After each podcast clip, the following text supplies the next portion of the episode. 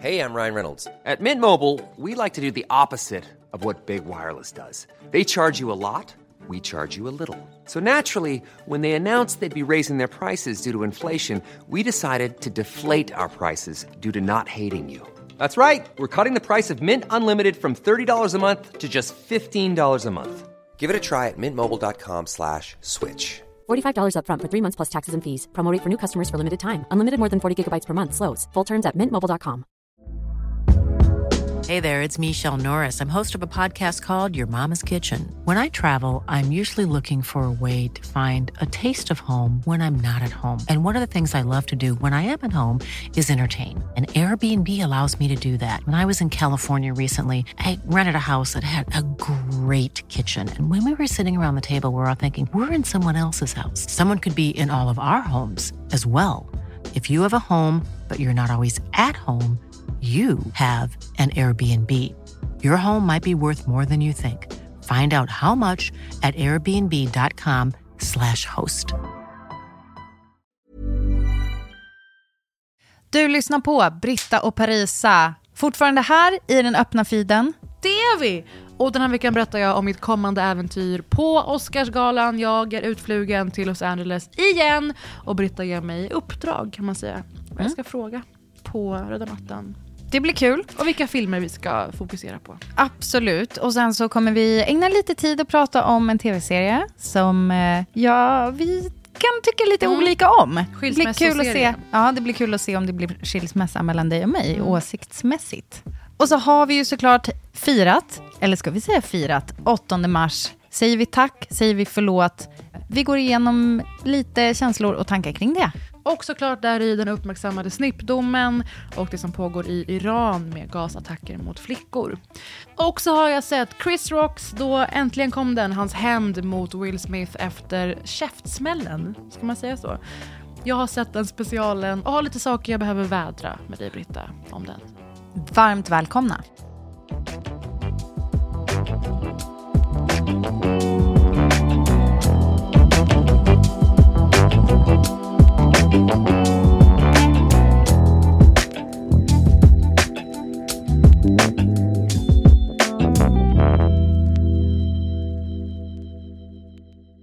Du har satt det lite skönt. Berätta vad som händer i din, i din kropp. Nej men... Eh, eh, kompistryck Ja. har hänt min rygg. Ja. Alltså ett, ett regelrätt tryck också. Mm. Alltså ett grupptryck, fast av en person. Mm. Och så tryck på ryggkotor. Ja. Så det är liksom tryck i dubbel betydning. Och det var inte att personen gjorde det med sin kropp, utan genom att pressa dig att bära en grej. Stämmer det? Kanske lite. Ja. Men eh, apropå det här, idag är det tisdag. Är det. Mm. Och imorgon onsdag, då eh, sätter jag mig på ett 11 timmars flyg. Klimatkompenserat, ingen aning. Och eh, åker till Los Angeles för att i en vecka vara på plats. Och nu den här söndagen, för det är ju fredag när det här släpps, så sänder vi, jag och Per Lernström, Oscarsgalan på Mm. TV4. Gud, vad, gud vad kul för er. Och jag känner efter i min kropp. Jag är inte avundsjuk på något sätt. Jag vet ju det att vi har ju fyra svenska nomineringar. Det är tre till Rubens Triangle of Sadness. Inklusive bästa film och bästa regi. Det är så jävla stört. Och är det första gången någon är nominerad, inte bara för då bästa utländska, utan att det är bästa film, Nej. punkt. Men ingen Svensk. svensk har vunnit bästa film. Okej. Ska jag få... Jag tänkte bara säga att eh, ni minns säkert hur det var sist. Såg du någonting av vår, min och Pers insats? Om man ska säga det ordet. Jo tack. I fjol. Ja, ja det gjorde jag Hur kändes det? Ja, alltså du vet att jag har världens sämsta minne, så jag, jag, jag kommer inte kunna... Mm. Jessica Chastain var god. Serena Williams, Ja, Gänget. till exempel. Kevin Costner. Nej, men det var ju, det var, levererade ju med namnen. Mm. Jag vet inte om det var vår eh, gränslösa stil. Som Lite. fick dem att vara så här, de här svenskarna verkar... Ja, de är på gång. Men i år så kommer jag alltså vara ensam Mm. på röda mattan, men ständigt i sändning. Per kommer sitta i en studio i Sverige. Ja, så det är inte en sån så här, överlämna över till dig, utan det är att vi nästan hela tiden surrar mot varandra. Kul. Ja, jag är jätteglad att vi har kommit fram till en bra modell. Så man lite ibland slipper det här extrema larmet, som det är, på röda mattan. Alltså du menar att för tittarna att titta så nonstop Mm. på röda mattan, halloj? Att det skriks från fotografer, från alla möjliga. Och för att Per och jag har så fruktansvärt kul ihop, helt ärligt. Och det är ett speciellt år då med att man är där som svensk ett sånt här år. Att man liksom tar rygg på att någon annan har gjort succé. Det är en väldigt eh, speciell stämning egentligen. Just det. Och så här, Rihanna ska uppträda på själva galan. Kanske fladdra förbi i någon kreation. Kanske en bebis som accessoar, som vanligt. Oj, oj, oj. Och en kakblockad man. Apropå sist. Men så vi börjar sända på söndag kväll 22, antar jag, och håller på till morgon. Och sen finns som alltid en så här behändigt klippt version för er dagen efter. Bara sitta och mysa sig igenom. Helst samma dag, men det är som ni vill. Och så kommer jag satsa lite på att göra olika klipp där jag liksom har frågat så här, åtta personer samma sak. Och så klipper man ihop svaren. Alltså typ att du gör en enkät på röda Ja. mattan? Ja. Och jag vill liksom brainstorma de frågorna med dig. Uh, Okej. Men vill du att de ska vara hur i seriositetsnivå? Blandat! Vad är ditt bästa med Sverige? Alltså, svenskar älskar att höra Sverige speglat du, i och- andra, i utlänningars och inte minst Hollywoodkändisars ögon. Och i år särskilt, Särskilt, motiverat. ja. Tycker jag på Ja. riktigt. Ja. Vad tror du? du? Vad sa du nu? Vad är ditt bästa med Sverige? Allmänt bara. För det finns några sådana varianter redan. Typ, vilken tv-serie skulle du vilja gästa? Severance. I, I love that show. The Crown, House of the Dragon. Your Honor. I, Så kan man säga, vilken svensk film önskar du att du hade varit med i? Ja. Är den bra? Ja. Skriver jag ner. Har du något mer? Vilken... Men är det inte kul... Ja, men, ska det vara på Sverige-temat eller? Inte bara. Nu, nu brainstormar vi. Ja. Okej. Vad är din em, fördom om Sverige? Alltså så här, Ehm. du har sett Sverige genom Ruben Östlunds filmer. Ja. Eh, vad har det gett dig för bild av Sverige? Ja, precis. Roligt. Ja. Det vore också kul att beröra det här med att alltså både Sverige och eh, USA liksom har tagit steg tillbaka vad gäller kvinnors rättigheter. Hur menar du då? Men eh, frågan är hur du får in det på ett kul... Alltså det beror ju på vem du står och tjötar med. Liksom. Jamie Lee Curtis har Ah, levererat alltså. varenda rolig... Alltså hon har varit så rolig den här äh, galasäsongen. Och för att ni ska förstå varför hon ens är med där, det är ju på grund av en av mina Everything. favoritfilmer de senaste tio åren. Ja, everything everywhere all at once. Vilken sinnessjuk insats. Ja, det var faktiskt det. Jag Ja. har ju sett den. Jag vet inte om jag har berättat. Infinite multiverse. Is no way I am the Evelyn you are looking for. Every rejection, every disappointment has led you here. To this moment. Topplista i nomineringsantal. Ja, Så kan vi kanske komma på fler såna här Gud vad bra. äh, enkätfrågor. gud vad bra. Elva nomineringar. Ja. Det är Daniel Brothers fucking sci-fi, multivers, livsbeslut, vägvalfilm med Michelle Yeoh, Everything Everywhere All At Once. Som ni ser innan söndag. Nej, ni kommer inte göra det, men jag skulle bli glad. ja. Ja. Nio nomineringar på andra plats. Delad roll mellan Banshees of Inisherin, som jag älskar, med. Colin Farrell. Gjord av Martin McDonough, som för den här podden är mest känd som eh, Phoebe Waller-Bridges pojkvän. Mhm. Men för alla andra, jag men han är en otroligt hyllad eh, film, eh, alltså manusförfattare och regissör. Jag är lite Ehm, besviken, jag trodde hon var lebb. Ja, hon kanske kör lite allt, all, allt, hoppas. All, jag vet inte. Och eh, han gjorde den här uh, Three Billboards med Ja. Frances McDormand som ju Just var... det. Hennes dotter har blivit uh, våldtagen och mördad och hon söker svar. Otrolig film. Delad nomineringsplats då, nio stycken, även till All Quiet on the Western Front. Den klassikern omgjord till film igen. På västfronten inte ett nytt. Ja! Och den finns på Netflix och var oväntat stilistiskt skarp Är det och snygg. sant? Verkligen. Vad har vi för stjärnor i den då? Jag måste tänka frågor inga, här. Jag Inga såna, frågor. De pratar ju tyska rakt igenom, så det är Jaha. tyvärr ingen sån stämning. Ah, Ehm, alltså. Men den Du, är... du får inte skämta krig med tyskar. vet, jag vet. Mm, det är jätte, it's a no-no. Kommer du ihåg, var du med på den middagen när Klara Svensson gjorde det? Förlåt, Doktorov. Vet du vad jag ska säga nu? Mm. Ingenting har varit mer väntat än det du sa nu. Klara, vi älskar dig, men någonting är där. Alltså, exakt. Men som de säger i Fawlty Towers, Ja. don't mention the war. Ja. Ja, och det är alltså första världskriget. Den vann stort på Baftas, vilket är brittiska Oscars. Sju priser, inklusive bästa film. Oj, oj, oj, oj. Så det är en oj. contender. Vidare på contenders, åtta nomineringar. Mm, Elvis. Är du Ja. minsta lilla intresserad? Nej, men jag har koll på huvudrollsinnehavaren. PGA. För att han har kanske inte varit liksom helt chill med sig själv. Kan vi säga så? Nej, men han är ju... jag, jag kommer inte, eh, kan inte du säga exakta detaljer? Han heter Austin Butler Mm. och många på nätet har uppmärksammat slash hånat att han eventuellt... Glider in i Elvis karaktär. Mm. Och om du är Daniel Day-Lewis och tillbringar åtta månader i karaktär, i, Method even, acting. eventuellt okej. Inte Ja. ens han gör det. Nej. Nej. men det var väl också en jättekonstig situation. Alltså att det var så här... Han kanske förtjänade i hånet. TBH. Ja. Inte jättefascinerad. Den filmen fins att streama på HBO. Så den kan ni också ta en härlig titt Men vad sa du, framför. sju nomineringar? Åtta. Åtta nomineringar. Men det är väldigt många effektnomineringar. Eh. Mask och kostym och så. Jaha, okej. Sju nomineringar till Steven Spielbergs semi-självbiografiska The Fablemans. Är du- Den vet jag ingenting om. Nej, nej. Nej.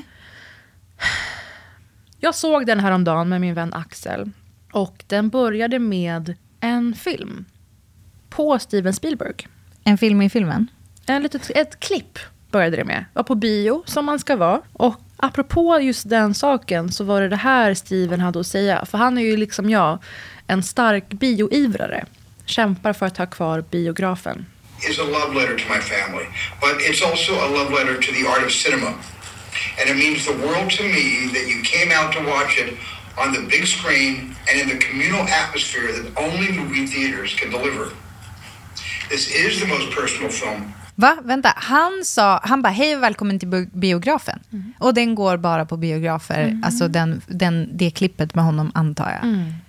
Wow, alltså lite som flygvärdinnan här, här, välkommen utgångarna här, här och här. Han bara, nu befinner du dig i, i ett rum som är speciellt för mig. Mm. Jag gillar det.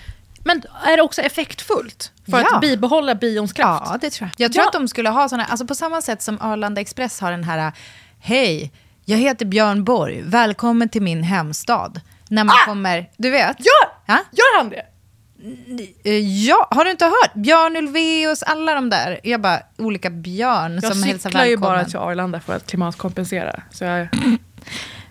Exakt, för det gör du ju också på den turen. Eh, jämfört med en Boeing I alla fall, Airbus. så, okej, du menar att det förhöjer mervärde och sådär. Jag Nej, såg... men tänk om det, det skulle vara så här, hej, hej och välkommen till, till biografen. Här är liksom alla så stora giganter som äh, häls, börjar med att hälsa välkommen. Mm. Det, det är en grej. De borde göra det innan varje sin film. Men att det är ju personer som ska vara kopplade till den specifika filmen. Det känns ju jag. viktigt. Men Ja. jag såg det och tänkte, hur skulle man ytterligare kunna ta det här vidare så att det blir som ett speciellt unikt mervärde i att så här, det här är en grej som du bara får här på bion. Mm. Utöver om någon poddare filmar det och sen spelar upp det i en podd som jag gjorde nu. Och då kanske det skulle vara att han ska bjuda på någon eh, smyginfo.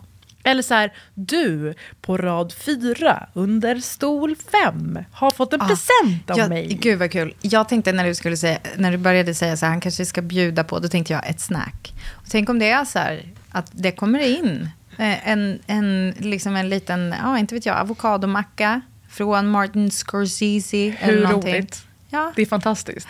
Men så jag tänkte det, vad, hur kan man ta det vidare? Och jag, eh, det brukar ju vara så här biovärdar som bara, hej och välkomna, vilken kul film ni ska se. Någon person som verkligen inte tycker om att det är en del av den personens De arbetsroll. älskar, de älskar det sällan. Ibland, då och då, så är det någon stjärna som Jag verkligen gillar det. applåderar alltid. Jag med. Jag backar dem. Eh, jag tycker det var ett spännande fenomen.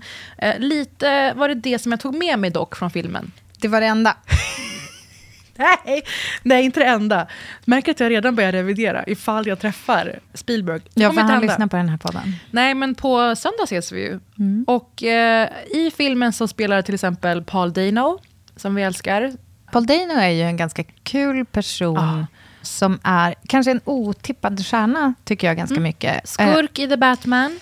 Och i filmen There will be blood och liknande. Förlåt. Och han spelar en, eh, här, han är tyvärr väldigt så här, mild genomgående. Men det är ju den rollen han har fått av Spielberg. Jag fattar, man tar den. Mhm. Och mamman i en väldigt skavig roll, ibland något överspelande, är spelad av Michelle Williams. Mhm. Och det här ska då spegla i stort självbiografiskt Spielbergs egna liv. Mhm. Och det är jättefint när det är lite så att han med MacGyver-metoder lär sig filmskapande som ung, ung kille. Alltså inga resurser. Förlåt, Paul Dano är den som spelar Spielberg? Nej, eller? det är en ung kille bara. Jaha, okej. Mm. De sekvenserna är ganska fina, hur han får det att se filmiskt ut. Att han är så lockad av det här.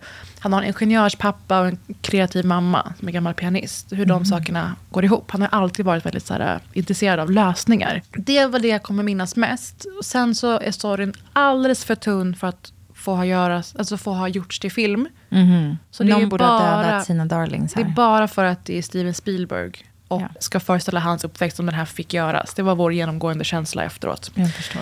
Eh, Efter den på lilla listan har vi på med sex nomineringar Tar. Och det är ju den här filmen med Kate Blanchett. Eh, Hon spelar Lydia Tar, en upphöjd komposit, nej inte kompositör, dirigent med hårt G. Mm.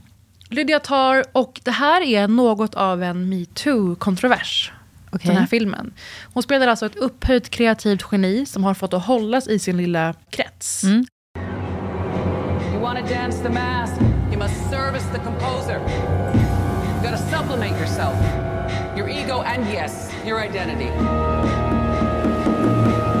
You must, in fact, stand in front of the public and God and Och det här är en helt påhittad eh, Mm, karaktär. Mm.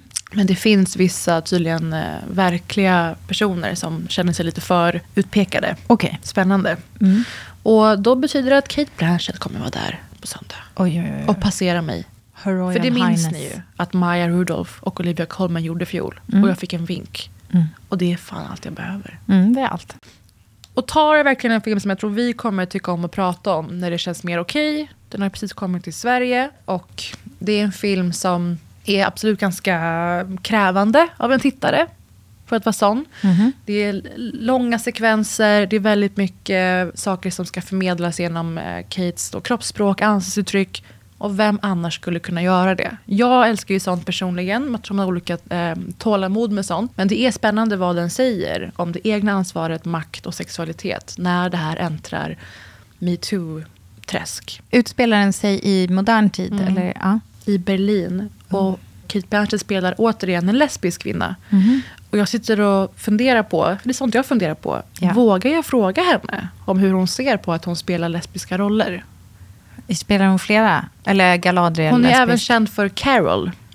Ja. Som är en jätteviktig eh, lesbisk film. Där spelar hon en, eh, en straight kvinna, men som ju upptäcker att hon egentligen är lesbisk. Så det kan man ju ha mer förståelse för.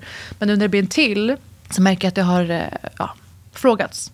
Eller så här, hur ser hon på stödet från the gay community? Jag kan ju säga något som inte är lika stängt bara. Bra. Så jag går och ruvar på frågor till Kate Blanchett jag aldrig kommer få ställa. Mm.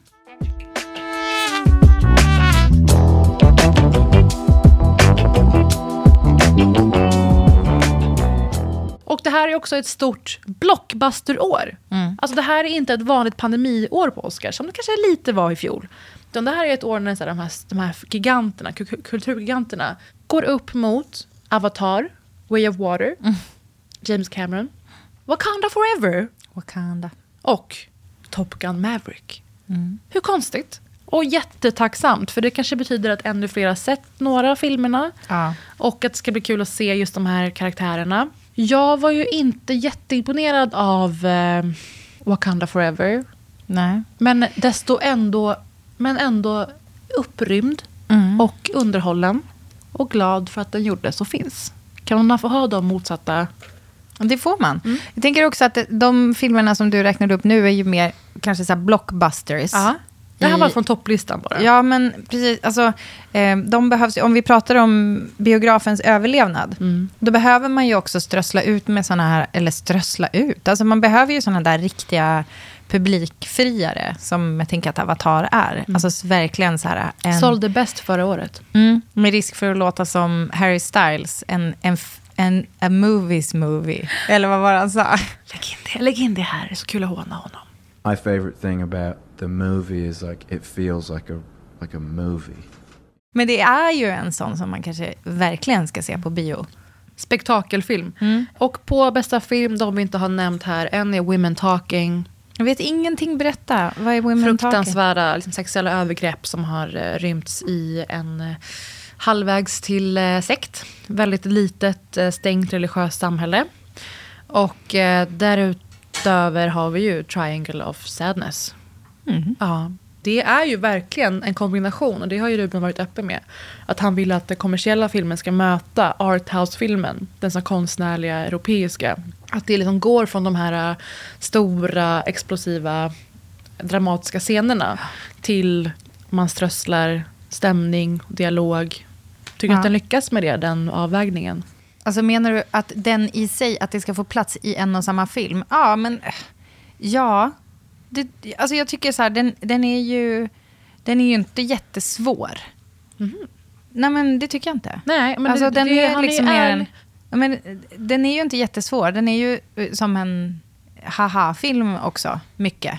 Inte så jättemycket sådär svår och, och ångestladdad kanske som han tidigare har varit känd för. Men samtidigt så är det väl också...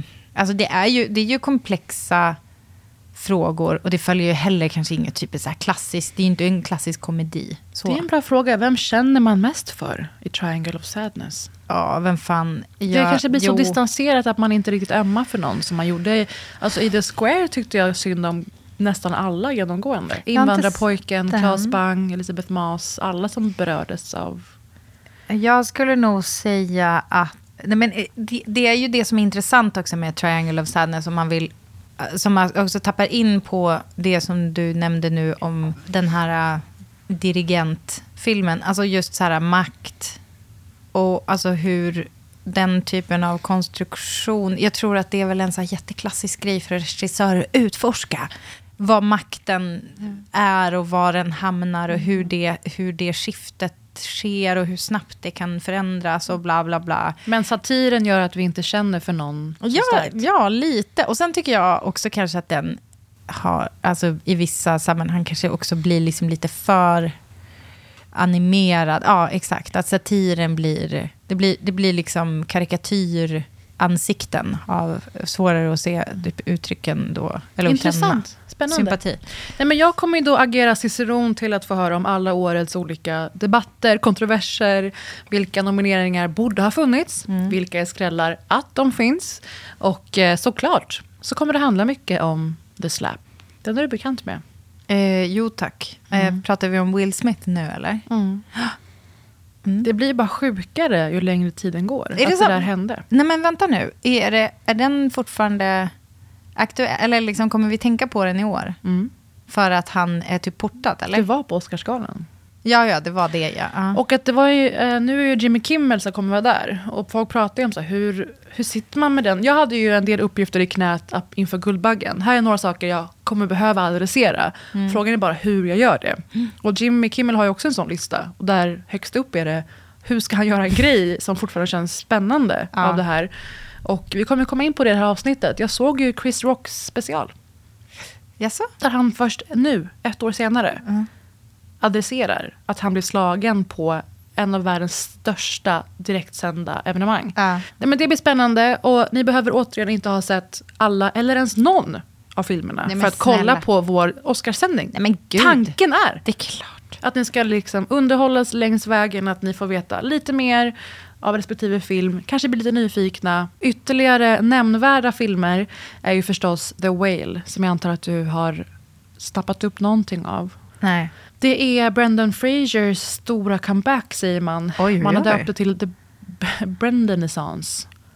Oj, oj, oj. Alltså Brendan Fraser, det känns ju... eh, Tänk, jag tänker på Tarzan, är det rätt? Så Djungel han- George tror jag att den hette. Ja, okej. Men, och hans, alltså förlåt, men inte bara comeback då, utan också kanske kliv in i finrummen, för han har ju gjort lite ful, ful, fulkultur.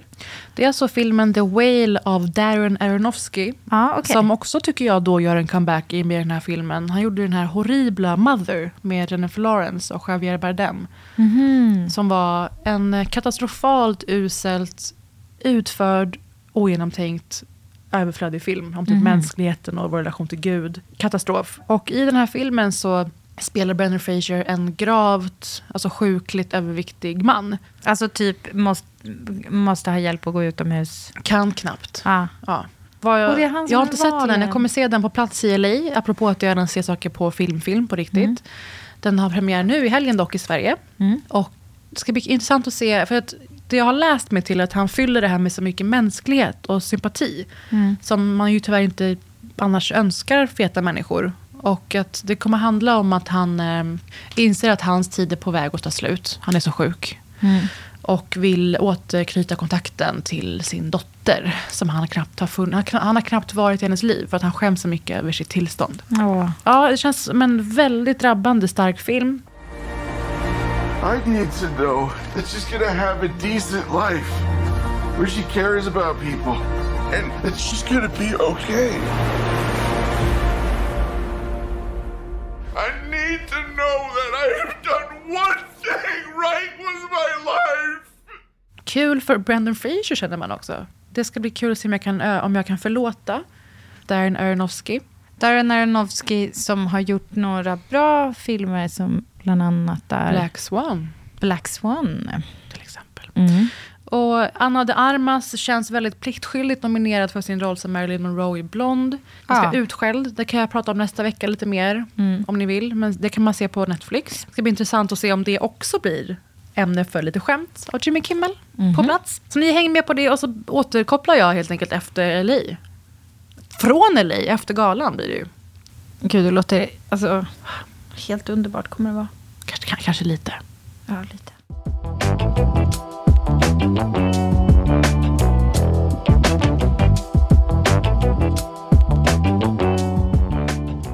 Jag har en liten annorlunda quiz till dig. Den heter...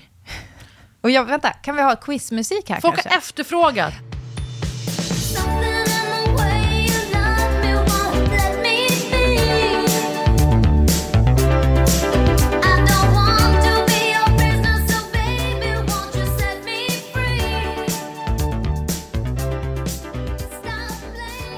Paris Amiri, välkommen till dagens quiz. Tack.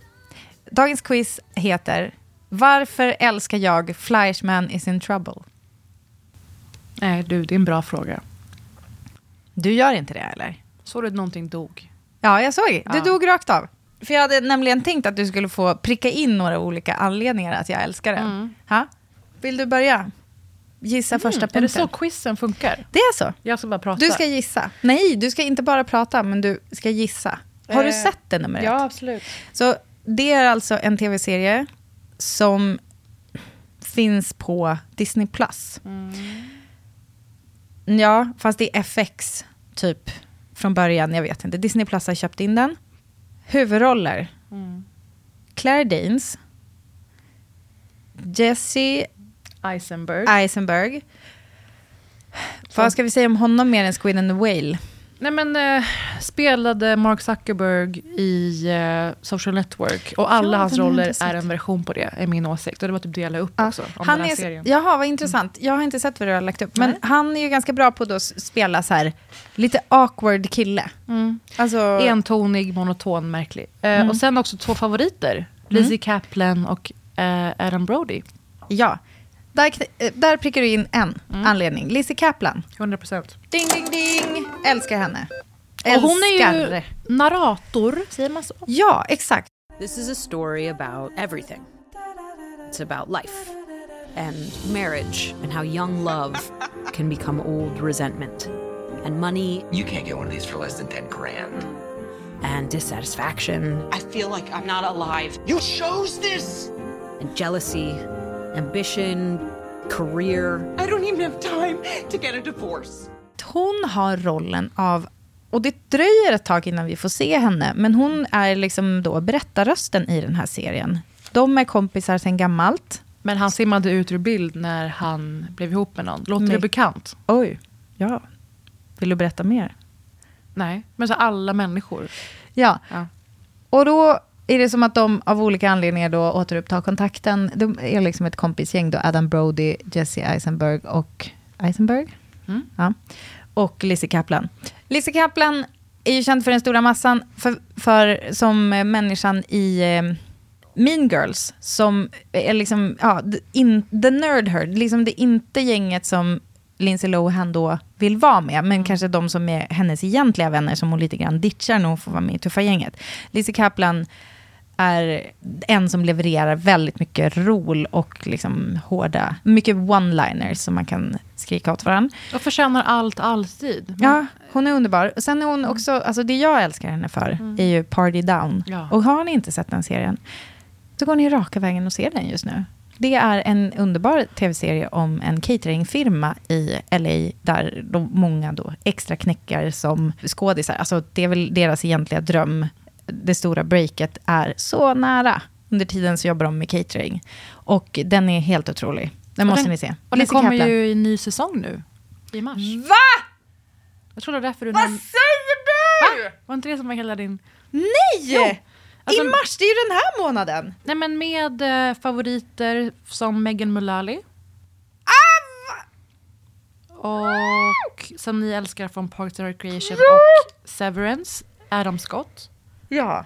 Och han är ju med sen. Det är ju Lizzie Kaplans eh, love interest. Men vadå, är Lizzie Kaplan med i den här också? Det hoppas Åh herregud. Ja, i alla fall. Hon är med i Flash med Is in Trouble. Men okej, Du du hon är... är tydligen inte med i nya Party Down. Men den kommer i alla fall. Fortsätt, förlåt. Gud vad spännande. Ja, men tillbaka då till Flashman in Trouble. Vill du, vill du försöka gissa någon fler anledning till att jag älskar den? Eh, den är ganska kreativt gjord. Det är så innovativ stil, krass dialog. Ja, den har ju...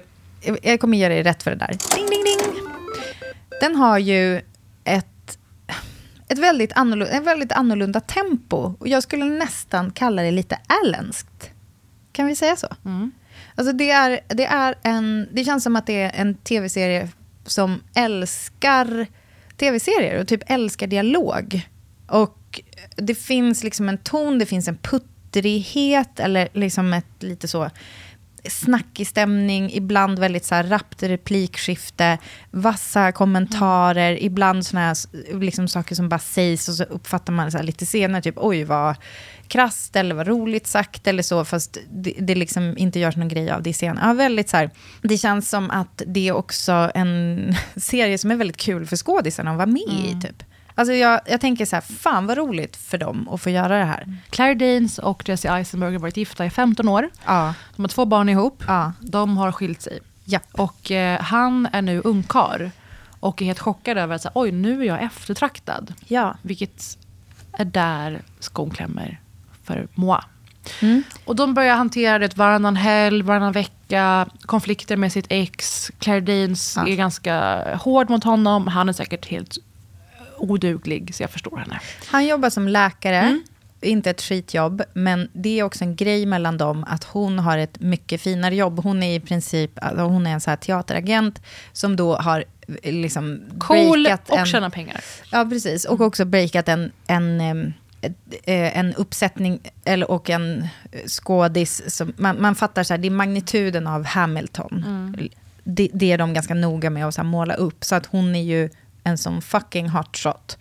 Och det finns också eh, statusmarkörer, ja, delvis barnens blick på det. Alltså så här, vad, och, och i skilsmässan då hur han tvingas bo i då en typ äcklig lägenhet i andras ögon. Det är en perfectly fine, det är en lägenhet på Upper West eller East Side, kommer inte ihåg. 60 000 i månaden. Ja, men man bara, herregud, det är liksom ett jävla slott egentligen. Men liksom i Jämfört jämförelse... med det här ombonade. Precis. Så att det finns, det finns eh, liksom viss klassgrej, fast det är inte liksom mellan typ arbetarklassen och överklassen, utan det är liksom finare, mer finspelare än så. En detalj i när han, där det börjar lite grann, att hans nyvunna då ungkarlsstatus, att han blir tipsad om att gå in på apparna och bara, det bara liksom unfoldas en, Mm. ett, en uppsjö av olika kvinnor som vill ligga med honom. Det är där, finns en det detalj här- jag gillar också. Det är ju där det här blir total science fiction.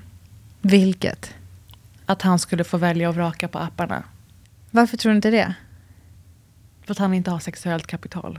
Du tycker han inte är sexig? Förlåt? Nej men jag tycker inte heller det, men grejen är, vet du hur många, alltså jag bara tänker så här, han är läkare, han är typ inte våldsam vad det verkar. Vem fan vet. Alltså, jag tänker ändå att den här uppsjön av kvinnor säkert absolut finns där.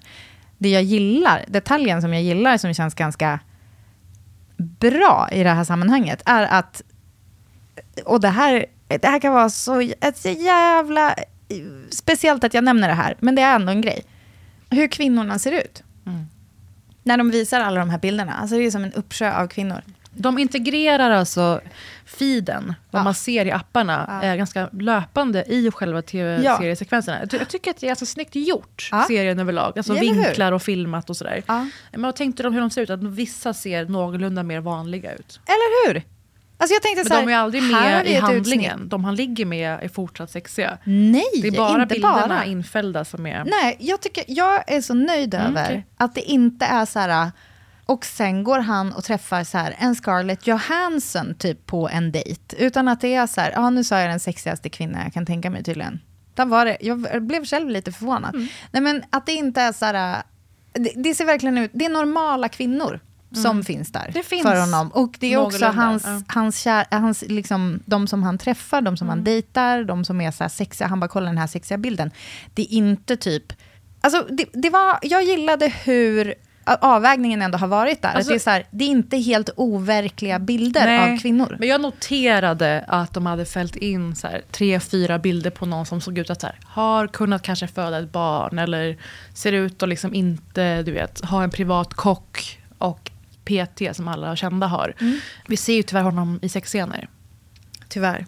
Jag behöver inte det i mitt liv. Men ser, man ser tyvärr honom i sexscener och Och då, då är det mycket fokus på kvinnornas league. kroppar. Jag blev jätteirriterad, stängde av. Men Det var- det vad annat som jag, annat sätt, ja. annat som jag reagerade på, jag tycker han är felkastad, Jesse Eisenberg. Jag kan inte känna för att han skulle ha sexuellt, sexuellt kapital överhuvudtaget, för hans personlighet och utseende. Stämmer inte överens. Men alltså har du, alltså så här, nu vill jag säga så här, Mm. för jag vet att jag tidigare i den här poddens historia Mm. har liksom gnällt över att jag tycker att någon inte är tillräckligt het för att jag ska jobba upp ett intresse och ens tro på, alltså så här, tro på att han typ kan få den här tjejen och så vidare. Eller få en sån allmän massiv effekt från allmänheten. Ja, alltså, han kan absolut intressera enskilda tjejer. Han är säkert jättecharmig och underbar. Men det är bara att det, att det var en sån överdriven dramatisk våg av kön i hans väg. Jo, jag vet, men så tror jag att det... Alltså, Att ha, är- att ha ett jobb och vara kille, att det räcker eller? Nej, men att vara typ någorlunda normal. Alltså jag tror tjej, nej, men det här är mer typ kritik till tjejer. Ja, jag vet att jag har sagt det här säkert. bara, om att det var någon som hade skrivit på internet att så här, tjejer är ihop med prospekt. Alltså vad det kan bli, inte liksom vad det faktiskt är. Medan killar är mer så här, ja, kanske lite mer krassa. Tjejer jobbar med potential. Och det tror jag... Oerhört sagt. Och sen vill jag bara säga att han är... eh, Jag håller med dig. Jag tycker inte att de bygger... Alltså så här, varför blev Claire Danes kär i honom? Det har vi ingen aning om. Och det tycker jag är för slarvigt. Jag tycker, och det är ett, en sak jag ofta stör mig på. Att så här, bygg upp lite. Ja, förklara för mig varför han är så fucking De kan ju inte het. alltid haft det så giftigt heller. Men Precis. boken som det här är baserat på är skriven av en kvinna. Så det är något av en satirisk blick på hur det måste vara för män i relationer och att bli singlar. Mm. Att hon kanske upplever det som att det är så lätt för män och därför är det här eh, lite vinklat så. Jag, jag, jag lämnar utrymme för att det eventuellt kan vara så. Men tror du inte att det är lätt för män? Jag tror inte att det är den vågen av kön som vi ser i den här serien. Nej, men det är också en serie. Och nu för att komma till mitt klipp som jag har hållit uppe här. Jag tycker att Adam Brody, som spelar hans vän, hade kunnat vara rollen som Jesse Eisenberg ska fylla. Ja, alltså, han har vuxit med åren kan man säga. Jag var- Känd från The OC. Vuxit, han behöver inte växa en sekund. Det är min, det är min, mitt livs kärlek. Ja, det är det va? Det är det. Ja. Och- att han heter Seth även här. Det är ju stört. Alltså, för det hette han ju i OC. Ja, men, och att han, om han bara hade närmat sig lite hur han eh, var liksom, i maner och sätt i OC. Lite nördigare, lite Mm. mer för, eh, försynt och försiktig. Då hade han kunnat övertygas som någon som får en våg av kön mot sig som lite äldre än 25 och då kanske lite tryggare Mm. som nyskild. Och här spelar han hans coola kompis som dejtar sexiga tjejer. Och det sades en sak som jag blev chockad av hur sann den var Mm. från honom. Och det var i samtalet om att dejta yngre tjejer. Mm. Minns du det här? Mm. Det börjar med att den ena då, tönten, Jesse Eisenberg, eh, skilda mannen, säger alltså nej men jag är för obekväm, hon vill ju säkert skaffa barn och jag vill ju inte det så jag vill inte slösa hennes tid. Han säger något sånt. Mm. Eh, och sen så säger då Adam Brody som spelar en Seth även här, någonting som fick mig att... Eh, mm, höra till. My search interest from 21 to 28. That way, the oldest woman I would get is 35. That's how you beat the system. Stop it. Truthfully, I don't really like the younger women. You don't? No. I mean, hey, come on. You know, we're not that old, you know. I don't think women our age are old. I just think the younger ones hate us less. Have you thought that all the way through? Am I wrong? Am I wrong? I don't know. Am I... I'm just, you know, it makes a girl start to wonder how she might do on the produce market. Det finns en del såna one-liners. Kan jag inte bara få landa i den här Ja. först? Så det Adam Brody säger här i rollen som Seth, hans vän, är att jag dejtar yngre tjejer, det är så här jag går runt det här problematiken på apparna. Och det är inte för att så här, jag är så gammal eller de är så unga. Utan för att yngre tjejer hatar oss män mindre. Mm.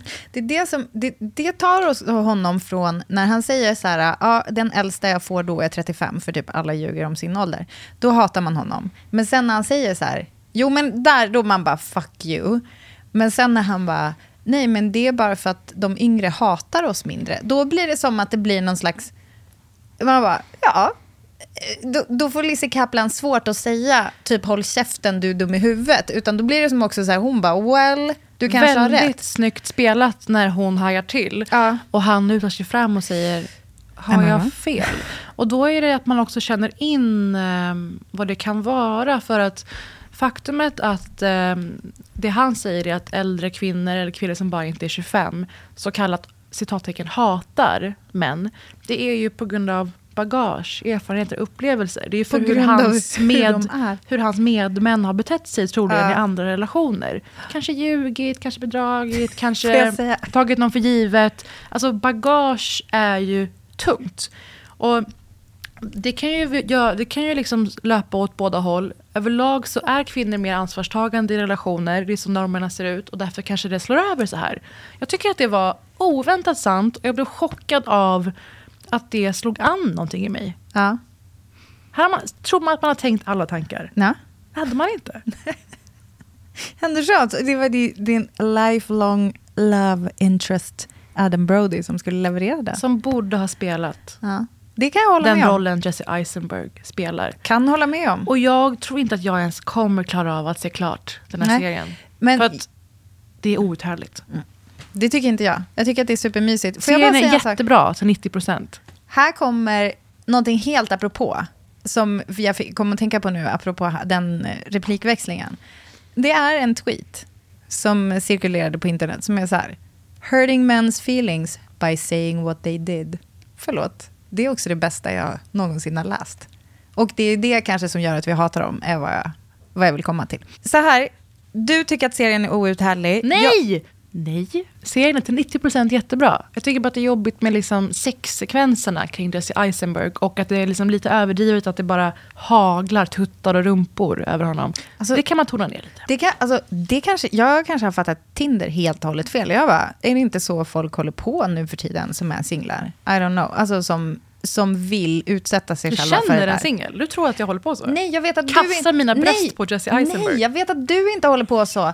Men utifrån, jag känner också fler, du är inte representant för alla. Jag tycker också att det verkar som att det, Ah. den typ kulturen är, alltså så här, om jag skulle, om, om jag och Kalle skulle skiljas nu och jag skulle bara gå ut så här på någon jävla app. Då skulle Jesse Eisenberg Jag tror se att jag okej skulle bli ut. överväldigad av, oj, det är så här vi gör nu. Det är väldigt så här, direkt, det är så här, här har du ett par tuttar, ska vi ses och knulla, typ så. Jaha, nej men vänta nu. Som jag det är inte det. tuttarna jag reagerar på. Det är att de är till Jesse Eisenberg. Ja, jag förstår det, men jag menar, någon, om det finns så pass mycket, någonting kommer rinna över och hamna på Jesse Eisenberg. Det är det jag menar. Men den overkliga grejen aside, jag tycker den här serien är alltså, lite som att se en Woody Allen-film. Då måste du stå ut med Woody Allen. Alltså den här, man bara, varför ska du vara med i varenda fucking film? För det är egentligen, du, det, de är briljanta, det är härligt, det är dialogen så här, men jag tål inte riktigt att titta på dig. Lite kanske samma känsla jag har nu. Jag hatar inte Jesse Eisenberg så mycket. men han är, jag håller med dig att det är så här, det är någonting med honom som är så här, som man har lite svårt för. Alltså han är inte, han är inte klockren. Och jag tycker absolut, här kommer min alltså en riktigt stark kritik jag har. Och jag hoppas att det kommer förändras. Jag hoppas det kommer fram till HBO. Okej, okay, jag har två stycken riktigt starka saker. Nummer ett, den lite mindre. Claire Danes borde ha bättre ungdomssmink. Alltså hon har typ bara en annan peruk. Man bara, nej, alltså hon, stylingen, allting är fel. Okay. Hur som helst, i ungdomsscenerna. Alla andra är toppen. Hon, man bara, vad hände? Det var som att hon så här inte typ orkade sitta med costume tillräckligt mm. länge för att de skulle naila det. Nummer två, det viktigaste. Lizzie Kaplan är absolut under använd. Ah, Ska man säga i så? I livet i stort. Nej men hon är, alltså så här, ni har henne i den här serien. De har gett henne en jättestor roll i att vara narrativet. Ja. Alltså hon är bokstavligt talat narrativet. Det kretsar kring Jesse Eisenberg. Redan där man bara, fast varför, ska, varför inte presentera henne tidigare och göra henne till en mer av en roll? Hon är en otrolig komedian. Hon är, hon är rapp, hon är mm. bitsk, hon är också så jävla bra på att spela, alltså också fysiskt. Mm. I liksom, du vet, minspel, i hur hon her kroppen. Mm. Hon, hon spelar liksom en morsa i Jersey. Hon har haft någon slags författardrömmar, fattar vi ganska tidigt. Eller hon har varit mm. så här skribent, hon har varit med i någon antologi, släppt en bok. Nu är hon typ housewife i Jersey, eller något. Mm. Jag bara gissar att det är Jersey. Hon Hur borde få fler roller överlag. Nej, men hon borde få det, men framförallt när hon är i den här serien. Ja. Ge henne mer utrymme. Yes. Alltså, i du vet, jag bara börjar undra ibland, har de klippt bort henne i den här scenen? För att det verkar så orimligt. För ja, ja, men typ. Så där har ni det. Men jag tycker absolut att den är sevärd. Det är väldigt många jag vi känner som så här, bara matat avsnitt på avsnitt. Jag och Kalle är typ så här, nej nu måste vi gå och lägga oss. Nej. För att vi bara fortsätter, fortsätter kolla. Så att den är väldigt så här, eh, och det ligger ju ett mysterium i den. Så att den är liksom både lite så här noir-känsla på det, mm, det kanske var överdrivet, men ni fattar. Det finns liksom ett mysterium. Och sen är det också, ibland är det Dr. House helt plötsligt. Och det är också så här, man bara, oh, nu tog det en vändning. Ah, Is in trouble.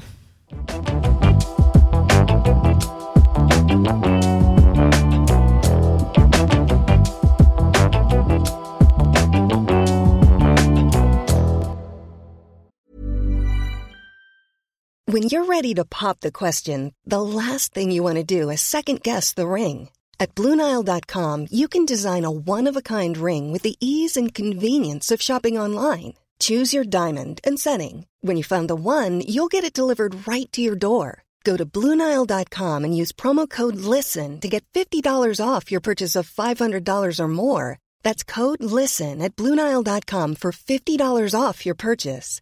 Bluenile.com code LISTEN.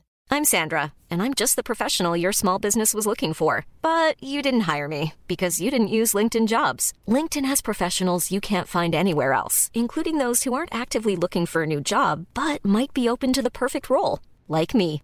In a given month, over 70% of LinkedIn users don't visit other leading job sites. So if you're not looking on LinkedIn, you'll miss out on great candidates like Sandra. Start hiring professionals like a professional. Post your free job on linkedin.com/people today. Det är kvinnodagen den här veckan. Det har varit när det här avsnittet släpps. Den ja. 8 mars är som bekant den internationella kvinnodagen. Mm. Och just i år är det såklart extra plågsamt. I fjol så berättade Britta vad hennes mamma hade för eh, perfekt svar på frågan vad hon ska göra på kvinnodagen. Vill du återge? Ja, och hon sa att hon ska ladda inför kommande bataljer. Det är hela tanken. Kolla av vad är status? Hur illa är det ställt med mm. kvinnors liv, rättvisa, säkerhet, trygghet, framtid, drömmar, allt. Mm. Och eh, vad kan vi göra åt saken? Det är enda poängen. Sist så lanserade du Tack på kvinnodagen. Mm. Och du tackade olika kvinnor som eh, är framkant för att driva på utvecklingen, påminna om saker som är skeva. Och I också i, i, min närhet. Ja. Alltså folk som gör det typ lättare dig. att stå mm. ut. Och i år kanske vi ska säga förlåt på kvinnodagen. FN-chefen gick i veckan ut med att det är 300 år till uh, tänkbar jämställdhet. Framsteg som tog decennier att åstadkomma försvinner framför våra ögon. Guterres, alltså chefen Guterres, nämnde särskilt Afghanistan där flickor och kvinnor raderats från det offentliga livet. Han sa också att kvinnors reproduktiva rättigheter hotas på flera ställen och att flickor riskerar kidnappning och överfall för att de går i skolan. Ja, och eh, eller typ att bli giftattackerade som i Iran. Från Ukraina till Sahel drabbar konflikter kvinnor och flickor. Konflikter drabbar kvinnor, ett, först. Två, värst. Mm. Och vi gillar att prata om Andrew Tate. Och vi gillar att prata, prata om islamister. Men det här är ju någonting som omsluter allt. Alltså Mm. backlashen mot feminismen är global. Mm.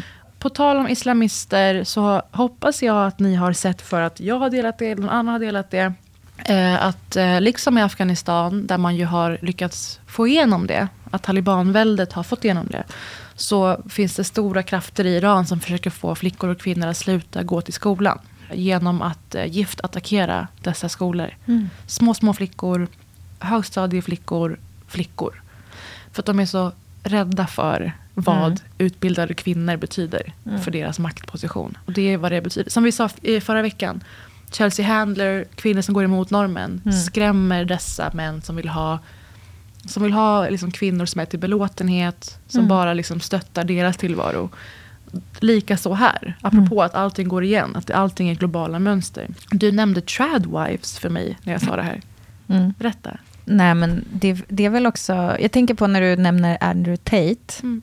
Då tänker jag på den här klassikern att man tar liksom sikte på en sån här extrem och bara fan vad sjuk, eller typ Donald Trump och så bara fan vad sjuka de är och de, de, eh, de, här, de blir liksom poster boys för en väldigt så extrem rörelse och är ju det, är väldigt ex extrema. Men de, de kan inte existera i en värld som är som inte har massor med kvinnohat i sig. Mm. Och de är ju egentligen, alltså så här, ja det är extremen, men titta på din egen bakgård, hur, till exempel, hur vi behandlar kvinnor generellt, alltså i eh, det här med då mäns våld mot kvinnor, eller vad det finns för eh, Alltså allt ifrån hur skevt det är med löner fortfarande.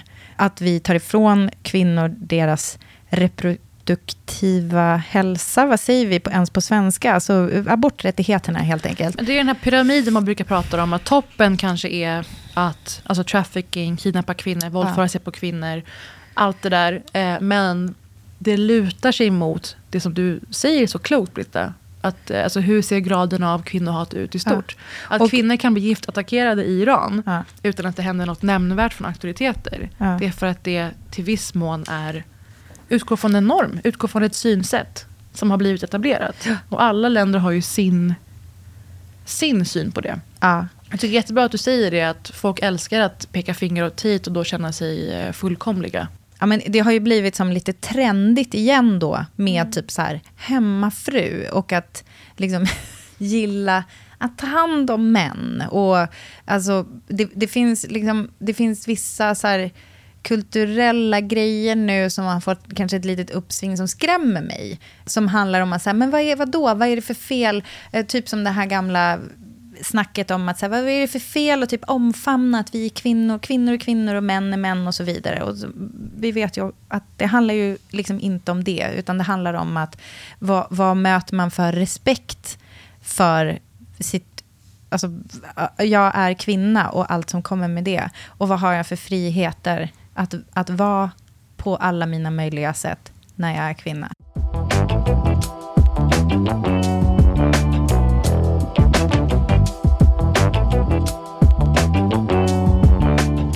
Apropå detta då, tyvärr, så är det än mer relevant att vi pratar om det som eh, vi inte hade med i förra veckans avsnitt i och med sportlovet.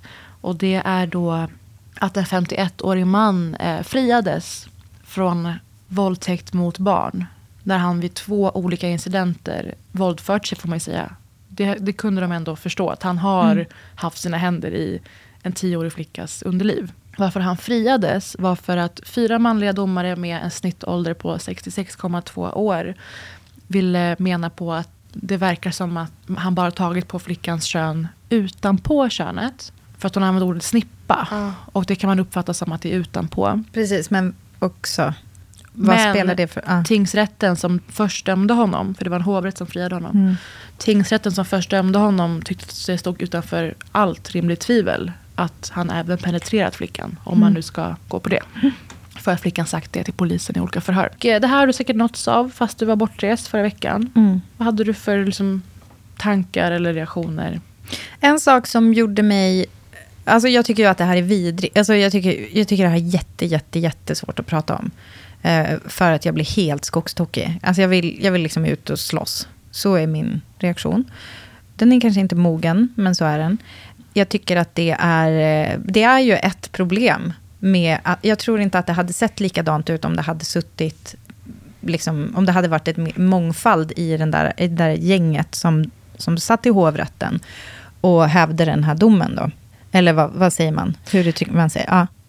Det som jag nåddes av, som faktiskt, alltså om jag ska flika in lite positivt i det här, vilket vi egentligen inte, vad ska man säga, det är kanske inte en rättvis bild av verkligheten att säga att det finns någonting positivt med det här. Men jag har aldrig sett så många män dela en sån här angelägenhet som jag gjorde nu. Och det, Kalle visade mig till och med, alltså så jävla otippade personer. Alltså så här, jag orkar inte, jag vill inte peka ut någon, men det var verkligen så här, den här jak, killen som han känner genom jakten, som är typ en sån här och sån här person. Man hade verkligen inte kunnat tänka sig att den är så Det är verkligen sant. överhuvudtaget intresserad av kvinnors rättigheter.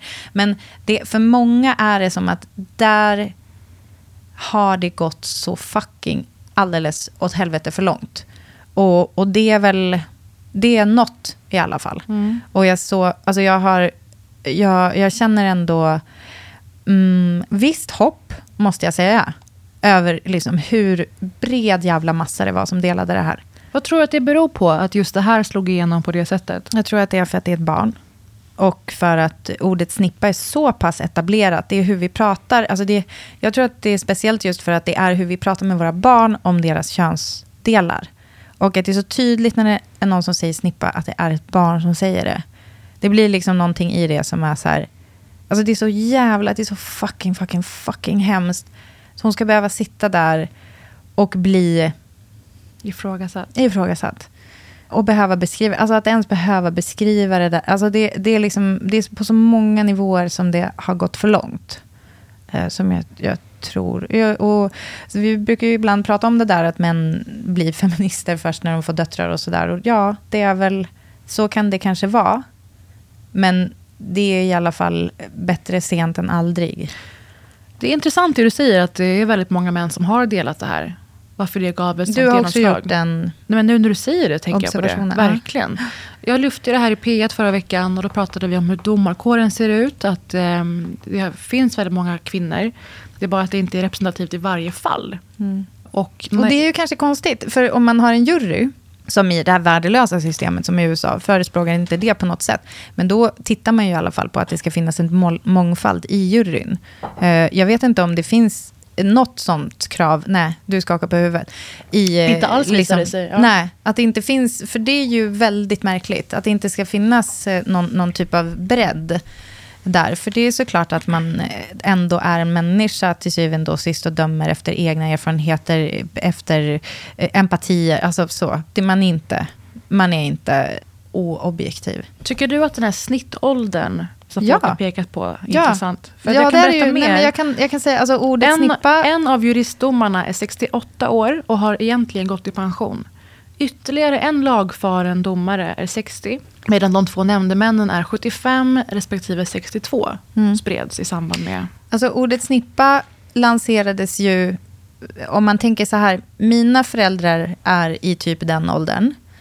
Då, vi ju inte, alltså ordet snippa har ju kommit sen jag fick egna barn. Alltså det har ju typ blivit framröstat i typ Aftonbladet. Men om en du omröstning. tänker en generation till. Hur såg man ens på övergrepp? Är det ett övergrepp att ta någon på underlivet då? Nej men alltså vi har inte, exakt, vi har inte alls haft samma, samma snack kring det.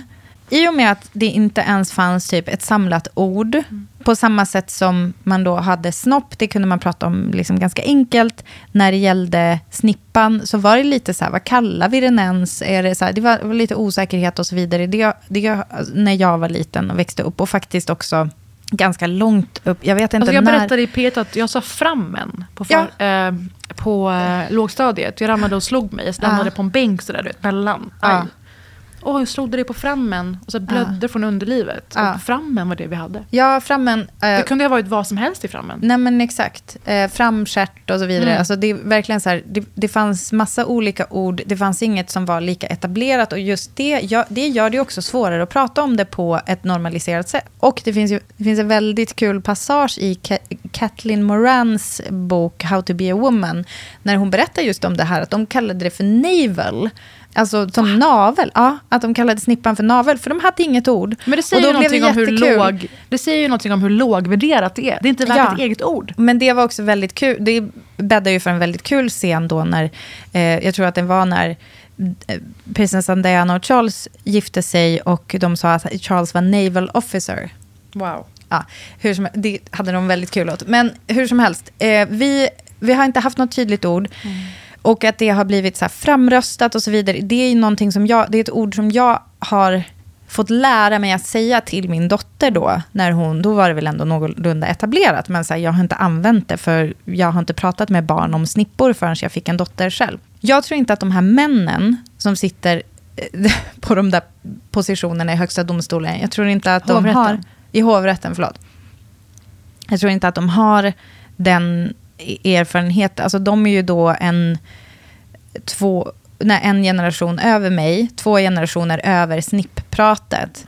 Och bara det gör ju en enorm skillnad för liksom deras uppfattning om. Tror inte det är så här, det är nog inte en generation mellan dig och en 60-åring. men jag vet inte Två, hur man är. Men du fattar? Ja, Ja. skitsamma. Ja.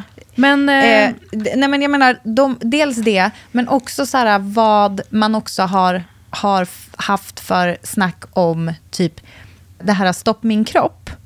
Som ju är självklart för barn att prata om. Och, och det är jag också väldigt tacksam för att min dotter i, alltså barnen har haft i skolan stopp min kropp-vecka. Jag vet inte om det direkt var frikopplat från den här incidenten. Herregud. De har pratat jättenoga om samtycke och Mm. eh, eh, så min dotter sa till mig, alltså jag blir typ ärlig. Mm.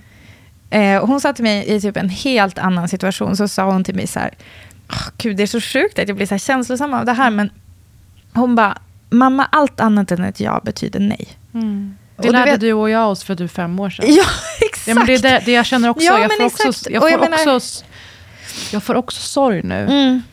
För att det betyder, alltså att de får det här, det är Mm. ju fantastiskt. Och jag, jag bara menar- tänker på alla generationer som inte har haft det. Och att, ja. jag vet. Och att in, de inte har haft det och att det för henne är så självklart Mm. att också lyssna efter andra. Alltså, och de pratar ju inte om det i, i samband med sex överhuvudtaget, såklart inte. Utan de pratar om gränsdragning, om kroppslig integritet, men också eh, så här, i samtalsämnen och så vidare. Alltså så, vad, hur man ska liksom ta hand om varandra i offentligheten. Att så här, har den inte sagt ett uttalat ja så betyder det nej. Bara för att lyfta lite, de här eh, domarna har gått ut och kommenterat reaktionerna. Det var en 30-årig kvinnlig hovrättsassessor, alltså någon som är inne på sitt fjärde år av domarstudier, som ville fria, eller som ville fälla och de Mm. ville fria. Och det fanns ju inga andra rubriceringar. Inte liksom övergrepp mot barn, inte opassande bla bla bla mot barn. Varför fanns det inte det? Det har den kvinnliga åklagaren gått ut med att hon har blivit pressad till. Det här verkar vara en otrolig härva. Vi har inte hört det sista om det här. Men det Nej. bara tillkommer mer mm, märklig information hela tiden. Och vi kan inte veta något mer om det. Det är spekulationer. Men när de fick frågan i Aftonbladet, hur kommer det sig att hon ville fälla och ni fyra fria? Då var det så här, eh, det tyckte hon, det tyckte inte vi. Och så märker jag att förövarperspektivet är jag lite nyfiken på. Att inte undra mer över varför en man ens Har befann, befann sig där. Det kanske man gjorde, undrade för sig själv, men att det inte får genomslag. Så här sa han, nu tänker folk, tänker inte domstolen på att det är en liten flicka som kanske inte har en fullt utvecklad begreppsapparat. Men samtidigt sitter en person på andra sidan som är åtalad för ett mycket allvarligt brott och riskerar ett väldigt långt fängelsestraff. Då frågar sig domaren i intervju med Aftonbladet, vem ska otydligheten gå ut över? Ja, då tycker jag 52-åringen. Om han var 52. Det får du tycka. Nej, men det här är, här, får jag säga och det, här är början, det? här är början på en genomlysning av rättsväsendet som jag tror är bra för alla. Bli medvetna om hur det fungerar, hur ser strukturerna ut, vad har man för rättigheter och liknande. Mm. Jag är ganska peppad överlag på att lyfta det. Jag gjorde en metoo-serie för typ fem år sedan, det så länge sedan? Fyra? Och det finns mer att bevaka inom det här tycker jag. Vad ville du säga mer i det här ämnet? Att otydligheten gäller inte huruvida han är ond eller god. Otydligheten gäller, hade han fingrarna utanpå snippan eller inuti snippan? Att ha den utanpå, alltså... Men på, inte bara utanpå som luften nej, är fri. Nej, vi exakt. om Alltså på. man bara, du är fortfarande där. Det är det, det, det, så här, det borde räcka. End of. Ha inte dina händer mellan benen på en tioåring om du vill vara fri från Vid två fängelsestraff. tillfällen. Får jag bara läsa också vad, vad familjen sa? För att det känns som att de förtjänar det, att deras ord förs vidare. Så här säger flickans familj. Eh, det känns helt absurt. Dessutom analyserar de hur långt in i henne mannen var med sitt finger. Det känns helt sjukt. Hur kan detta ske? För mig, för min dotter och för vår familj känns detta otroligt stötande och kränkande. Återigen, inte det sista vi hör om just snippfallet. Och inte det sista ni hör om att vi pratar om kvinnors och flickors eh, liv och rättigheter i Sverige och i hela världen. Förlåt på kvinnodagen. Förlåt alla.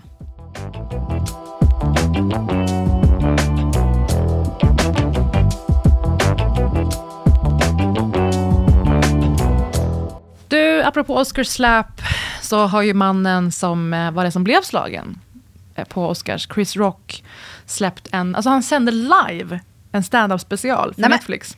Så först känner man vad återhållsam han är. Att han inte går ut och sitter i varenda intervjusoffa och berättar om hur det kändes och hur det var veckorna efter. Kommer Ja. ihåg det? Han försvann bara.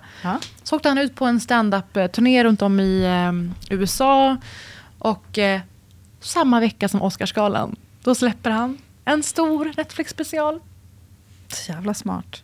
Verkligen. Tror du att det var svårt för honom? Och tror, tror du att han liksom bara hmm, backade tillbaka in i sitt lilla bo? Och Alltså, bara, till en början var man så här, oj respekt, vilken avhållsam integritet, så var intressant. Eh, och sen släpper han av den här. Jag tror att innan örfilen slutat svida ens. Den hade inte ens landat. så hade Netflix kontakt ringde. med Netflix uppstått. Verkligen. Bästa som har hänt hans karriär och vi ska få se också hur Jimmy Kimmel analyserar det här på fredag. Tänkte spela upp ett par klipp som är, handlar om hur han hanterar det här med Will och Jada. Det är en hel del att prata om i den här i stort, men det kan ni bara kolla på och tycka till om själva. Det är fokus på wokeness och cancellation. Det är inte så jättemycket som känns jättenytt. Jag älskar ju personligen Chris Rocks väldigt gränslösa, explosiva stil på scen. Associativ. Det var inget som var... Alltså det är Kardashians och det är Elon Musk och... Jag tror inte Okej, att det låter lite trött. Ja, det har fått sån kritik att det känns nött. Nötta referenser och spaningar. Men om han har typ gått in som ett litet ide och smitt sina skämt. Kanske det var så här, man bara, för ett år sedan hade det kanske varit aktuellt. Men det jag är intresserad av är vad det säger om honom och världen och män. Vad han tar upp och hur ja. kring det som hände. I got smacked in the fucking Oscars by this motherfucker. And people like, did it hurt? It still hurts. I got summertime ringing in my ears.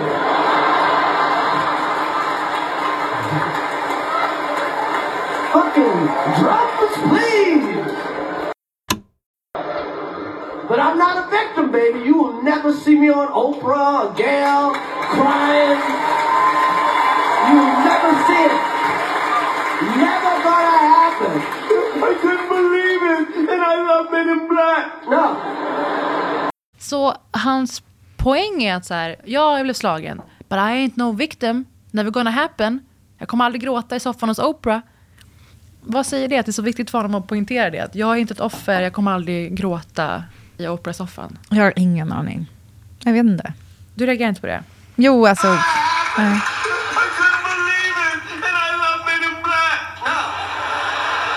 It's never gonna happen. No. Fuck that shit. I took that hit like Pacquiao, motherfucker. Att han ska vara liksom en, en man Och där about kom, it. Och där kom nästa nivå. Att han tog smällen. Mm. Jag tycker det var jätteintressant. Mm. I took that hit like Pacquiao. Alltså det behöver vi inte prata om vem det är. Men han tog smällen. Ja. Alltså det hade inte du stått och sagt om du hade blivit slagen och skulle kommentera det ett år senare. Nej. Varför hade inte du sagt att du tog en smäll? Nej, men alltså det är för att jag har inte samma behov av att vara macho. Exakt. Hela Särna-specialen handlar om att återvinna en förlorad manlighet. Vet du, det där, alltså... Inte hela, men just, just det han Ja. väljer att fokusera Nej, på här. Jag blev förvånad. Jag Ja. trodde inte att det var den tongången jag skulle få. Jag trodde det skulle handla om hur korkad Will är, hur sjukt det var med hur Oscars hanterade det. Jag trodde det skulle vara alltså, kommentarer han har hört under året, vad de, mycket de säger. För du minns ju min rapport från i fjol. Ja. Att jag åkte taxi med män i USA efteråt som var så här, jag hade gjort samma sak för min kvinna. Hur fräscht hade inte det varit om Chris Rock gick upp och pratade om så här sjuka tongångar, att Ja. slåss för sin tjej? Alltså, grejen är också... Här kanske vi får svaret varför han har hållit det borta i ett år. Man har inte han, han har varit ute på alltså, Jo, och, jo. och eh, gjort stand-up för Ja. att han säkert har velat kunna här Netflix-pengarna. Precis, men han har inte suttit i sofforna. Eh. Mm. och som han säger nu då, och, och suttit och bölat och bla bla bla. Det låter lite som skam för mig. Det kanske är ett av tanke, men liksom... Eller? Han, han, han kände sig kanske förutmjukad. Man hade ju inte trott det. Man hade ju hoppats att han tog the high road och bara, okej det där, vet du vad. För det är väl också en grej typ att, alltså in this day and age, att det är ändå, det, alltså jag tänker att det finns en grej att det är två svarta män. Alltså man bara så här, hur ska han Verkligen. liksom adressera det här att det är en eh, Will Smith, en våldsam, alltså på, på något sätt så är det ju så här, det finns nog krafter som gynnas av att det blir liksom ett bråk dem emellan. Som, krafter som vi absolut inte vill liksom ge någon glöd eller Att, någonting. män är liksom, att svarta män är extra Ja våldsamma men i typ, alltså, jag tänker det. Ja, Alltså, det finns säkert. Så, för, nid- som fördomen ja, ser ut. Och då tänk, då, jag, hade nog, jag tror att jag läst in mycket mer avancerade ursäkter till varför han inte har uttalat sig offentligt då, liksom, överhuvudtaget. Och det här var vad vi fick. Ja. Kan man känna var lite underwhelming. Ja, men jag är chockad över att eh, det inte kom ett lager till från en så pass mycket äldre man. Men han kanske är precis på hans sida den generationen. Det fortfarande handlar som du säger om skam och manlighet. Och det fortsätter. What the fuck? So did I do some jokes about him? För sen väljer han att fokusera på Jada. Och det här, allt det här är tydligen Jadas fel. Nej men. Who gives a fuck? That's how it is. She started, I finish it, okay? That's what the fuck happened. Nobody's picking on this bitch. She started this shit. Alltså han blir nästan svartsynt här. Men vänta, Kolla igen. vadå, hur startade hon Han, det? det är som att han hetsar upp sig själv när han pratar och liksom, Ja. eh, liksom inte fattar. Så, Oj, nu blev jag lite för arg. What the fuck? So did I do some jokes about her? Who gives a fuck? That's how it is. She started, I finish it, okay? That's what the fuck happened. Nobody's picking on this bitch. She started this shit. Hur startade hon det? Med hennes blick? Han menar på att hon startade det i och med att hon ehm, några år innan hade varit så här, Chris Rock borde inte få skämta på det här och det här sättet. Du, du, du. Jaha, men, okej. men den här kvällen känns det ju... Nej men, alltså, nej, men okej, jag tycker ändå att det är ogenomtänkt. Jag tycker ändå att det liksom fallerar på sin egen... Nej men alltså, herregud. Ja, men det här med... Jag tog smällen och ehm, att han poängterar att eh, Will Smith är mycket större än honom och då var det extra töntigt gjort att han gick på honom som en lite smalare man. Och sen så kommer han till varför han inte slog tillbaka. Mm. Allt det här känns som Andrew Tate-tankar. Att han har säkert nåtts hela året av diverse manlig kultur som är sådär, "Åh, varför slog du- inte tillbaka? Varför lät han dig slå dig? Varför Mm. är du så fjantig tönt? Eller varför... Det är det. Det, bara det känns det är helt- så tydligt att det är det han går upp och försvarar sig Det är mot. helt olika världar. Jag trodde jag skulle få speciellt. eh, en eh, systemkritik mot att Oscarsgalan lät Will Smith vara kvar i rummet. Ja. Att han först en halvtimme senare så vann han ju pris. Då går han upp och håller ett tårfyllt tal och får en stående ovation. Alltså, jag, jag trodde det skulle vara något mer eh, makro. Ja. För, och, och kanske också, jag hade tyckt att det var kul om han adresserade det här och det här är lite vad jag har stött på Men under snälla, året. exakt. Och lite mer analys, herregud. Ja, Och det som, jag, det som vi pratade så mycket om sist när det begav sig. Det här fenomenet att män får ta strider för sina tjejers skull. Dels att Will känner att jag ska försvara min kvinnas ära. Att det indirekt handlar om hans egen ära. Att det är någon Mm. hederskultur i det. Mm. Det var lite Men det kanske finns också, men att det här var första vågen. Vi får se vad som händer. Det, och den här offergrejen kommer igen av att han hånar Meghan Markle tidigare. Det kommer några gånger olika offer. Och det handlar ju om woke och cancellation i stort, vilket som du sa, som många säger känns lite trött. Och det är väl också ett sätt att så här, få känna sig större efter att ha blivit förödmjukad, som du säger. Att så här, du är objektivt ett offer för Mm. ett våldsbrott. Mm. Och det är, vissa, har så svårt för att Nej. så här, det är ingenting du gör det till nödvändigtvis. Det händer dig. Ja, Du vet. exakt. Och det betyder heller inte att det är din identitet. Men Mm. det vore, alltså, det är väldigt tråkigt om det också ska, eller om vi säger så här, det är en, en möjlighet för honom som går förlorad här. Att Mm. faktiskt, ja, men han hade kunnat, jag tror att han hade kunnat vinna ännu mer på och, och höja sig jämfört med Will Smith. Tusen gånger mer. Du tycker inte han gjorde det eller? Nej, ha, om han hade tagit liksom, om han hade varit the bigger person och liksom kunnat göra det här till någonting annat än att eh, vad det verkar vara en, en hämndaktion. För han nämner också att eh, Jada haft en affär och att det var därför Will agerade ut. Det känns också lite som ett low blow. Men kanske jag tänker så här, low blow möter low blow. Och så får det vara så. Men Ja, apropå men det här var nästa, ja, jag vet, det är lite förvånande. Men större personen-biten.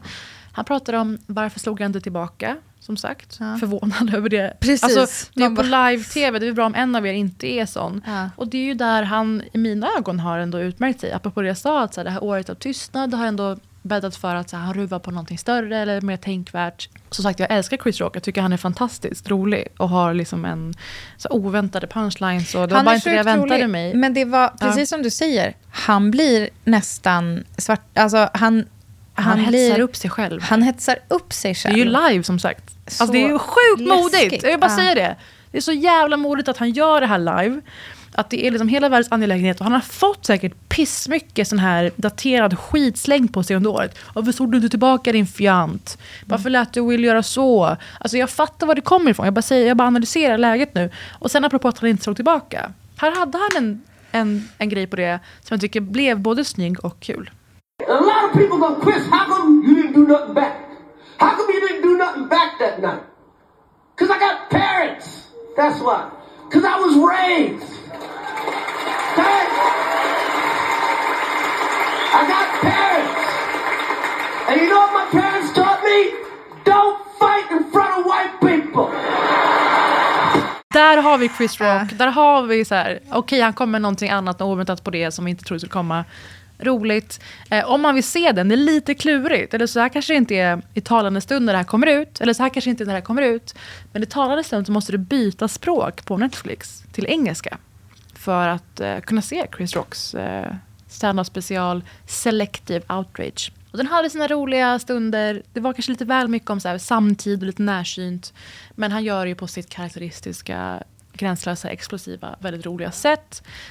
Förlåt, menar Ja. du att jag måste ändra mi- i inställningar så ändrar jag mitt Netflix-språk till engelska? Då jag kan jag se hoppas den. de har upptäckt det här tills att det här släpps på fredag. Ja, konstigt. Så kan ni väl tycka till vad ni tycker om att det är så här han till slut bemöter det här Will Smith-örfilen när han väl pratar om den, vad ni hade önskat och om ni tycker att det är 100% perfekt. Så säg det även det. Och det gör ni som vanligt på Britta och Parisa på Instagram. Och den här veckan är det ju också snippdomen ni gärna får kommentera. Och såklart inför Oscarsgalan de här enkätfrågorna. Ja, vad kom vi langa härifrån in. med? Ja, vad fick vi egentligen? Det var tunt. Ruben jag vill veta vad vi har eh, för människor. Vilka hoppas du träffa? Vilka stjärnor du ska vara med Alla på? som är med i alla de här filmerna jag nämnde. Men Ja, ibland men- kommer det folk som bara, jag ska dela ut ett pris. Du Ja. vet, jag ska ut ett utrop. Om Rihanna kommer på röda mattan, vad ska vi fråga henne? Kommer jag bara skrika? Vad ska jag skrika? Vad blir bäst? Vad kommer hon känna? Där är en real one. För det kommer vara Your baby's fine! Jag skriver ner det här nu!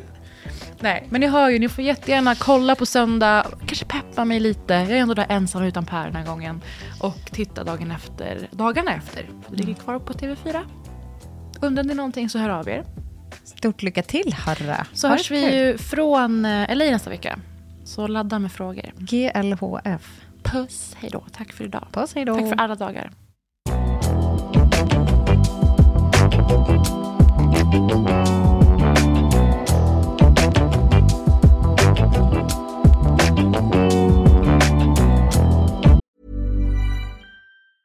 Mom deserves the best, and there's no better place to shop for Mother's Day than Whole Foods Market. They're your destination for unbeatable savings, from premium gifts to show-stopping flowers and irresistible desserts. Start by saving 33% with Prime on all body care and candles. Then get a 15-stem bunch of tulips for just $9.99 each with Prime. Round out Mom's menu with festive rosé, irresistible berry chantilly cake, and more special treats. Come celebrate Mother's Day at Whole Foods Market. Even when we're on a budget, we still deserve nice things. Quince is a place to scoop up stunning high-end goods for 50 to 80% less than similar brands. They have buttery soft cashmere sweaters starting at $50, luxurious Italian leather bags, and so much more. Plus, Quince only works with factories that use safe, ethical, and responsible manufacturing. Get the high-end goods you'll love without the high price tag with Quince. Go to quince.com/style for free shipping and 365-day returns.